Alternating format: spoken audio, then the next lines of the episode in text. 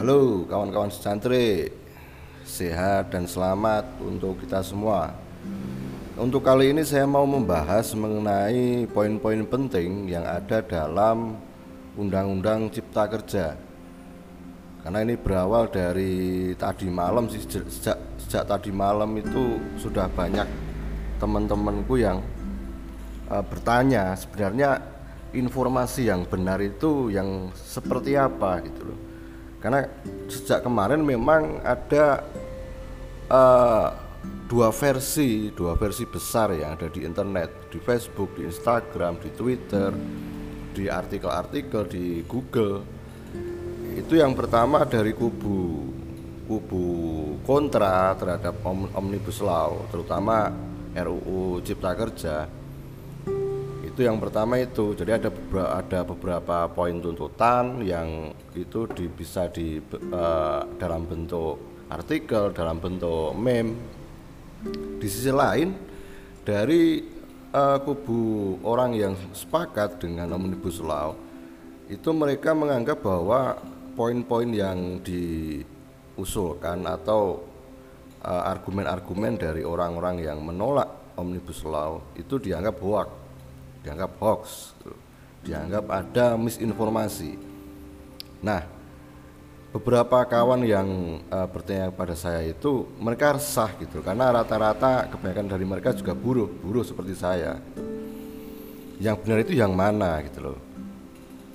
Nah kan repot juga. Nah untuk untuk itu saya mau mencoba menjelaskan dengan analisa sederhana, ini analisa saya sebagai buruh ya, bukan saya sebagai uh, intelektual atau sebagai ahli hukum. Jadi kalau ada salah atau atau ada ke, uh, kekeliruan, jadi mohon maaf dan bisa di uh, bisa dikoreksi kembali uh, sesuai dengan uh, keilmuan teman-teman si cantrik masing-masing. Untuk itu singkat saja jadi yang pertama yang per, uh, yang saya soroti adalah soal pasal PKWT atau perjanjian kerja waktu tertentu. Nah, dalam Undang-Undang Ketenagakerjaan Pak yang ada di pasal 59 yang membahas soal uh, eh, PKWT. Jadi PKWT itu kalau pakai bahasa apa ya, istilah-istilah umum itu untuk karyawan kontrak. Jadi karyawan kontrak itu ya uh, dia punya status PKWT. Nah, dalam pasal 59 Undang-Undang Ketenagakerjaan pekerja maksimal kontrak pekerja, kontrak yang dimiliki pekerja itu maksimal dilakukan selama dua tahun, lalu boleh diperpanjang kembali dalam waktu satu tahun.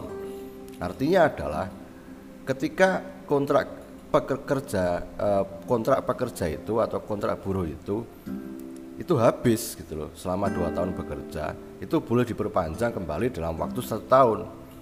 Jika sudah kontrak kerja selama satu tahun itu berakhir maka perusahaan hanya ada dua pilihan. Antara yang pertama adalah uh, menyudahi kontrak kerja tersebut karena kan maksimal berarti kan tiga tahun. Jadi setelah tiga tahun karyawan tidak bisa bekerja lagi sebagai karyawan kontrak Pilihan kedua adalah perusahaan harus mengangkat karyawan kontrak menjadi karyawan tetap. Nah, eh, dalam UU Cipta Kerja lah ini perbedaan, perbedaan. Nah, pasal 59 ini sama-sama masih dicantumkan, cuma bedanya adalah alokasi kontrak kerja itu ditiadakan dalam Undang-Undang Cipta Kerja dan regulasinya secara spesifik itu dialihkan dan diatur dalam peraturan pemerintah. Nah, ini ini menimbulkan ketidakpastian kerja yang dialami oleh buruh gitu loh. Awalnya itu uh, buruh itu bisa uh, uh, bisa mendapatkan kepastian minimal ada rencana misalkan ketika tiga, ta tiga tahun kontrak sebagai karyawan kontrak itu habis maka bisa ada uh, bisa diangkat menjadi karyawan tetap ketika menjadi karyawan tetap kan secara jenjang karir lalu jaminan-jaminan uh, kesehatan jaminan sosial lalu untuk upah itu lebih terjamin daripada sebagai karyawan kontrak. Nah, ketika ketika tidak ada yang namanya uh, perjanjian kerja waktu alokasi kontrak itu, maka yang terjadi adalah perusahaan atau pemilik usaha itu bisa membuat kontrak kerja dalam jangka waktu yang bebas gitu Bisa saja hanya uh, mengontrak orang itu hanya setengah tahun, hanya satu tahun lalu diberhentikan, terus hanya uh, dua tahun bahkan satu bulan gitu loh. Dan ketika tidak apa tidak ada ada tidak ada mekanisme mengenai uh, alokasi kontrak, maka kemungkinan kecil, sangat kecil sekali kemungkinan pekerja kontrak itu tidak bisa diangkat menjadi pekerja tetap atau karyawan tetap di bawah perusahaan. Nah, yang menjadi keresahan kan itu gitu loh. Nah, ada informasi bahwa PKWT itu dihapuskan gitu loh. Ini dari kubu yang pro terhadap uh, terhadap omnibus law. Ya memang benar, memang tidak ada, tidak ada pasal dalam Undang-Undang Cipta Kerja yang mengatakan bahwa PKWT itu PKWT itu dihapuskan tetapi yang perlu diperhatikan adalah regulasi mengenai PKWT itu tersendiri gitu loh. Nah, karena apa?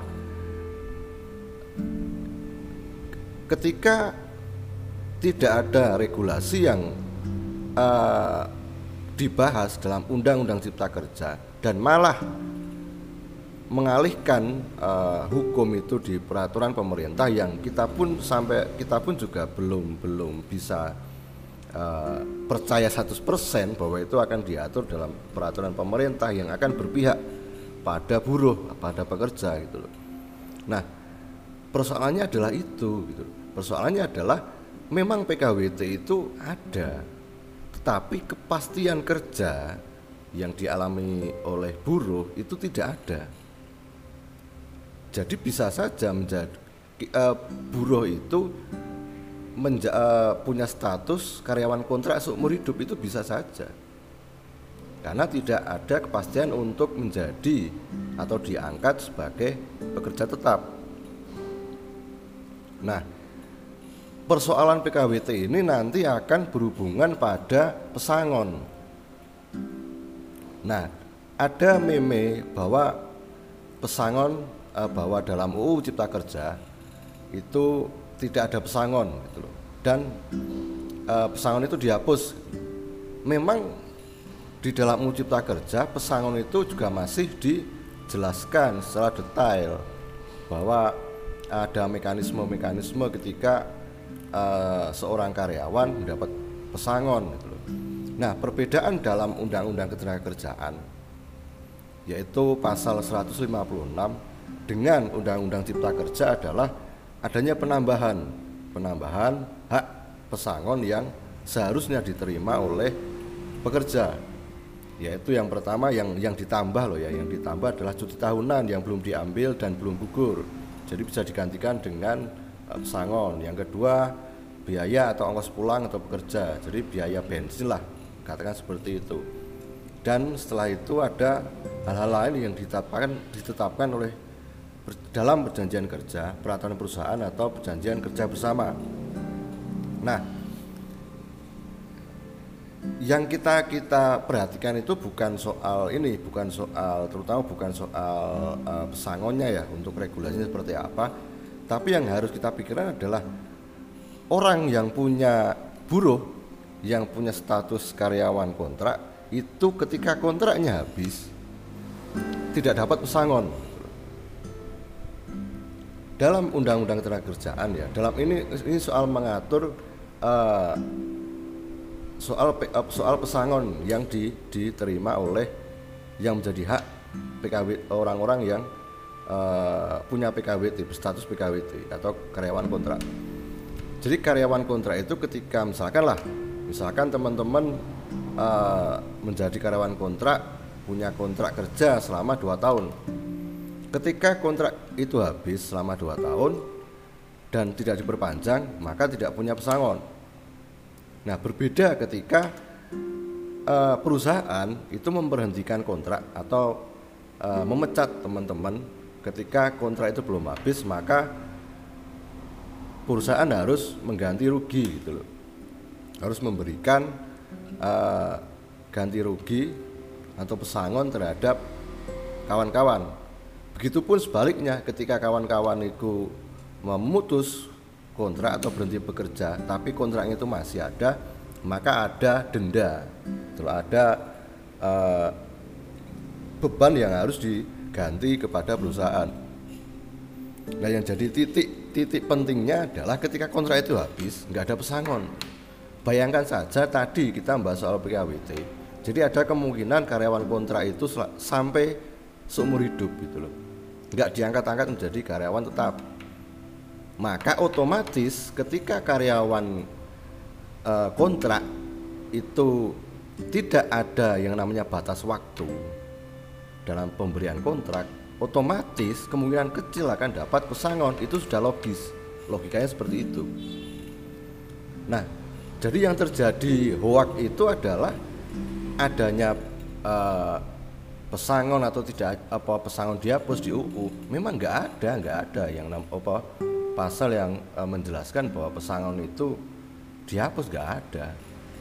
Tetapi kita harus kita harus uh, melihat uh, setiap pasal itu setiap hukum itu saling ber, berkaitan gitu loh. Nah, lalu so ini juga nanti berhubungan pada uh, outsourcing gitu loh. Outsourcing itu adalah kalau istilahnya apa ya? Istilahnya adalah uh, alih alih daya lah.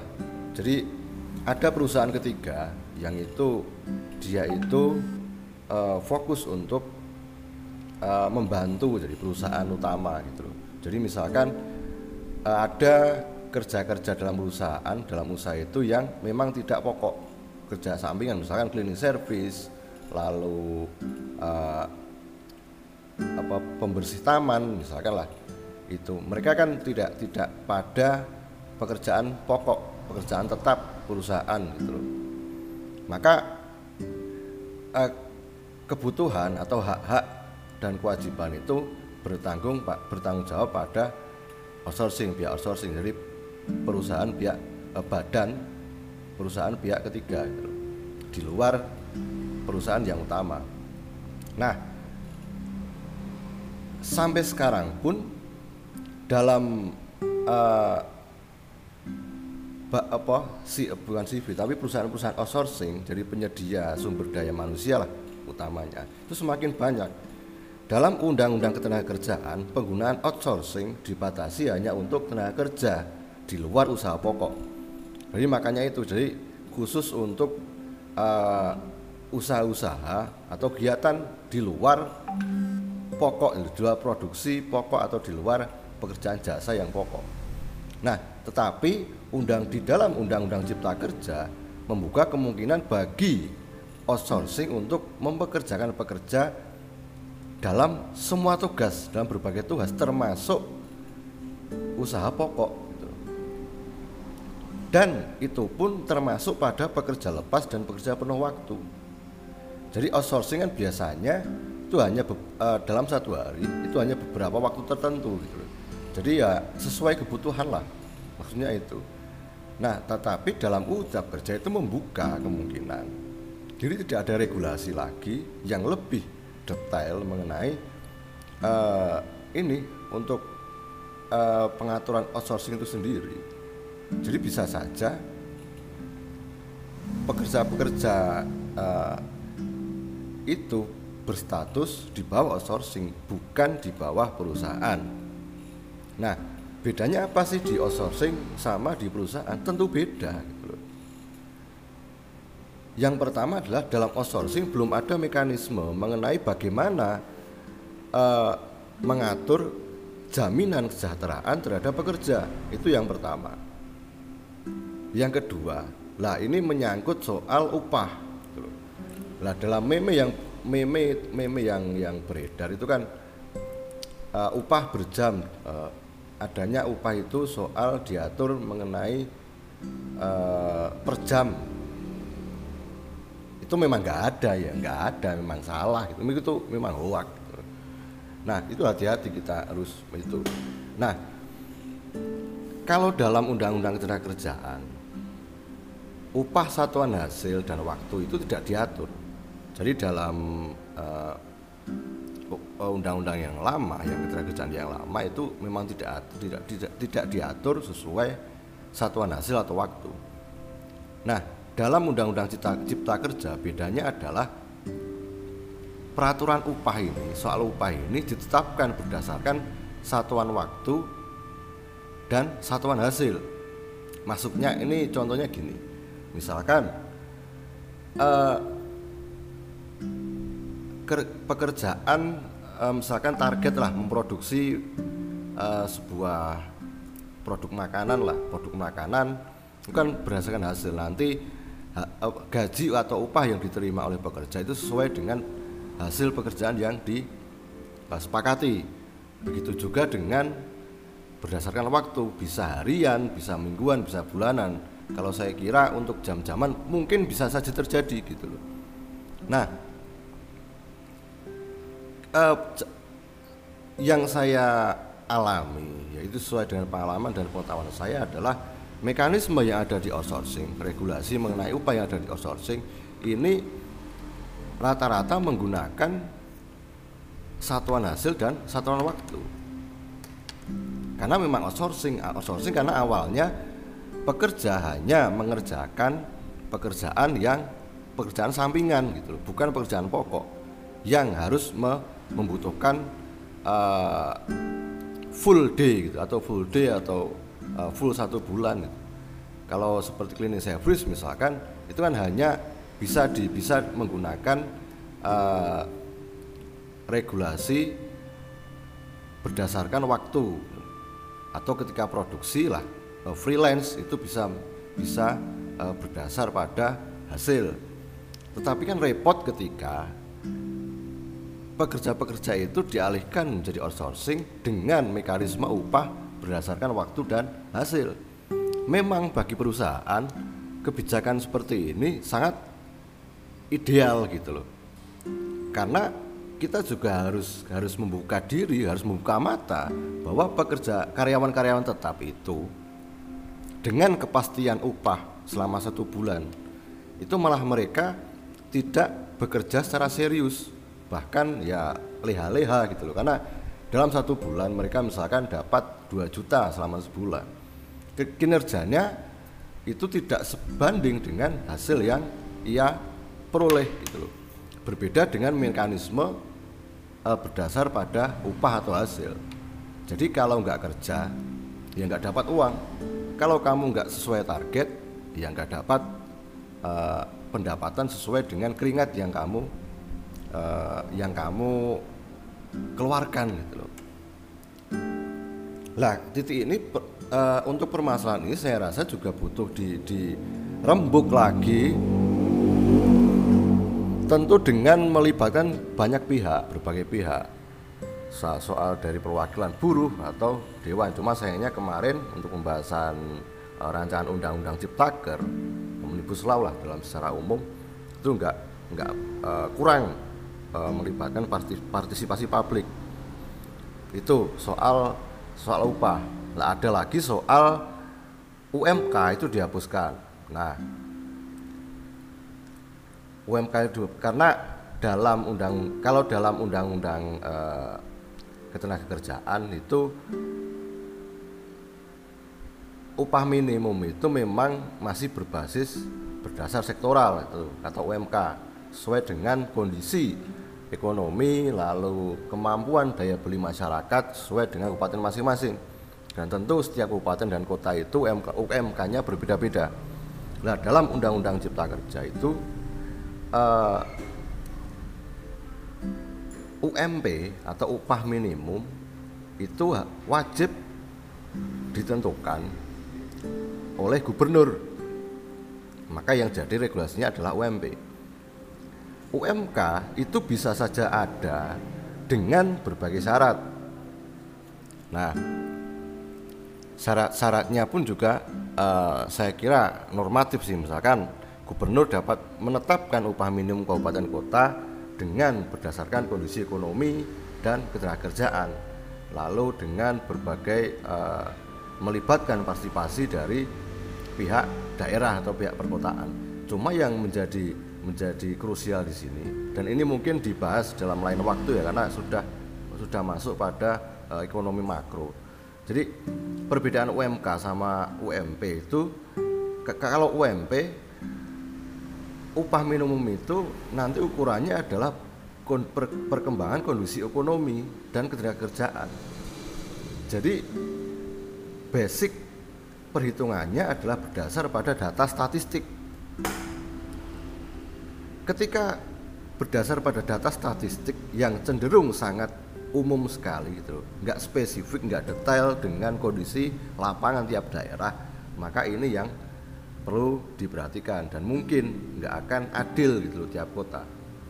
Bayangkan aja misalkan ada e, sebuah daerah yang UM UMK-nya itu lebih tinggi tapi UMP-nya itu lebih rendah pasti dia akan mengalami keras nggak ada keseimbangan di situ nggak ada keadilan di situ nah ini adalah soal uh, eh, UMP gitu, soal UMP. Nah, ada poin-poin lagi yang perlu uh, diperhatikan adalah mengenai PHK.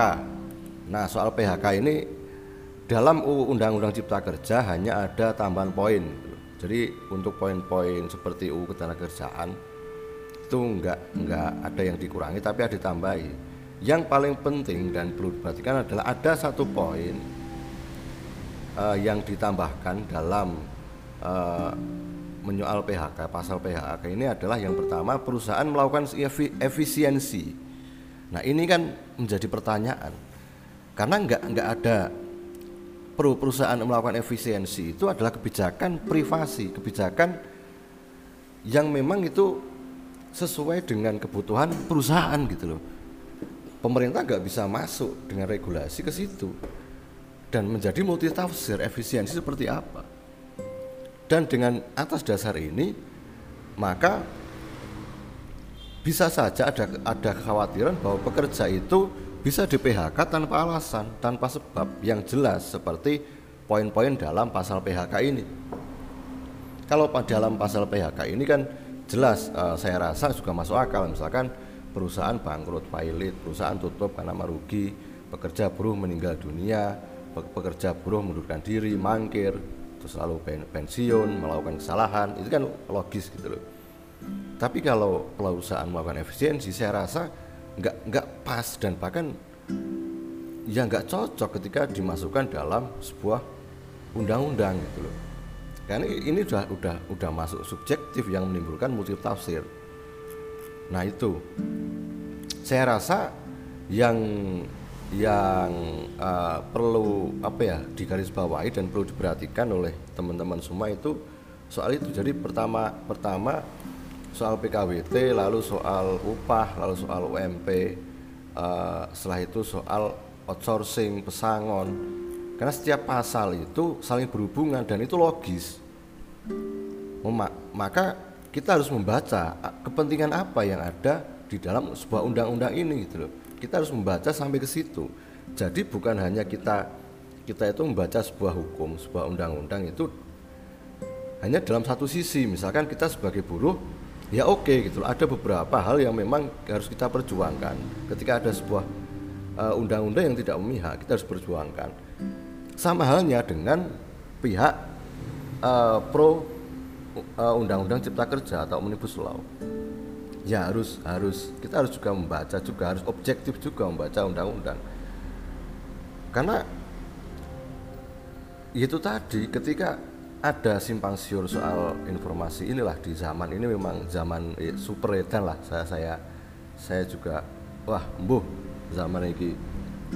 Itu jadi harus kita harus membaca membaca kepentingan dengan bahwa memaknai pas, pas pasti pasti sangat berhubungan. Dan maka maka perlu uh, nggak uh, hanya soal hukum nggak hanya soal compare ya. Karena ini ini saya saya juga masih apa belum selesai soal bela, apa belajar ini. Karena baru dari semalam suntuk saya itu mengkompar antara uh, undang-undang cipta kerja ini dengan undang-undang ketenaga kerjaan uh, sebelumnya gitu loh.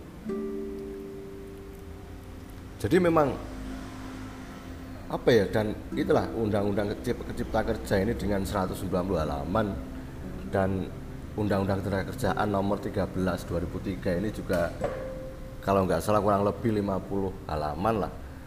Dengan compare satu persatu itu juga dalam waktu yang singkat. Mungkin saya banyak sekali keliruan situ. Banyak masih banyak kekurangan masih banyak kesalahan. Nah itu. Jadi itu sih uh, saya rasa itu yang yang paling penting adalah saya sebagai buruh itu pasti memihak jelas memihak saya pribadi gitu loh kepentingan saya pribadi. Terutama uh, soal omnibus law ini kan saya sudah membahas uh, di balada kurir episode kelima jadi untuk gejolak omnibus law sebelum ini ya bisa bisa teman-teman dengarkan lagi jadi bagaimana kondisi secara real gitu loh secara empiris pribadi saya ketika menghadapi itu tadi ada uh, peralihan karyawan kontrak menjadi outsourcing dan sudah terjadi selama setengah tahun. Uh, bagaimana untuk ya itu tadi untuk mengatur bagaimana karyawan itu bisa bisa tetap uh, sejahtera gitu. itu susah benar-benar susah nah perlu memang harus di harus di uh, harus diperjuangkan cuma yang saya sayangkan adalah terjadinya selang silang sengkarut informasi gitu loh. Ini mengapa dalam hanya dalam dua hari setelah RUU Cipta Kerja itu diketok palu hoak di mana-mana itu dan dua dari dua kubu ini buzzernya memang gelegek dan gateli gitu loh. Dan saya sayangkan adalah orang-orang yang menolak omnibus law tetapi masih share-share informasi yang sebenarnya itu tidak relevan. Informasi yang perlu pembahasan lebih lanjut gitu loh. Jadi akan ada beberapa poin yang memang perlu uh, perlu penjelasan perlu logika bahwa ada hubungan antar pasal antar undang-undang antar poin gitu loh antar bab. Ada hubungannya itu. Serta keterlibatan buruh. Ini ini yang yang uh, kurang gitu loh. Entah dalam aksi apa pun buruh itu seakan-akan hanya sebagai ya pion-pion gitu huru hara itu. Tapi aktor-aktor intelektual kayak saya saya pun masih menemui banyak kawan-kawan saya yang uh, sebagai gerakan lah pada masa-masa itu mengapa kok nggak ada nggak ada forum-forum diskusi membedah? Ini ini logikanya seperti apa? Karena mereka mengapa saya bilang seperti ini? Karena mereka bukan buruh gitu. Mereka belum tahu saya nggak nggak bisa menjamin bahwa bahwa iki loh iki jenenge wong PKWT opo saya kira juga belum nggak menjamin mereka tahu PKWT opo PKWTT apa perbedaannya apa Lalu hak dan kewajiban bedanya PKWT sama PKWTT itu apa? Lalu upah itu apa? Gaji itu seperti apa? UMP, UMK, lalu ada UMSK, ada UMR. Nah itu eh, perlu saya saya kira saya, saya sangat menyayangkan bagi setiap orang yang memang uh, tidak tidak mengkaji lebih dalam soal ini. Karena efeknya adalah yaitu tadi banyak selebaran meme tanpa penjelasan dan itu menyebabkan setiap masyarakat sampai desa-desa sampai ke masyarakat kecil itu juga ikut was-was was-was itu wajar karena ada kegelisahan. Tapi kalau was-wasnya itu nggak ada kejelasan nggak ada dasar yang jelas nggak ada alasan yang jelas kan kasihan gitu jadi mungkin itu dulu ke teman-teman uh, si Chandra ya.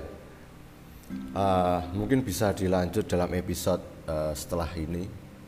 Karena ya penting ini saya saya utarakan karena saya jujur juga jengah gitu. Saya sebagai buruh udah pusing tiap harinya tapi tambah pusing melihat setiap buka uh, medsos ini malah kok jadi ruwet kayak gini gitu loh. Itu dulu eh, saya mohon maaf kalau ada banyak salah kata ada banyak istilah yang keliru ada banyak logika yang cacat. Ya, mohon di, dimaafkan dan silahkan dikoreksi untuk kebaikan masing-masing. Yuk selamat beraktivitas tetap patuhi protokol kesehatan sehat-sehat untuk kita selalu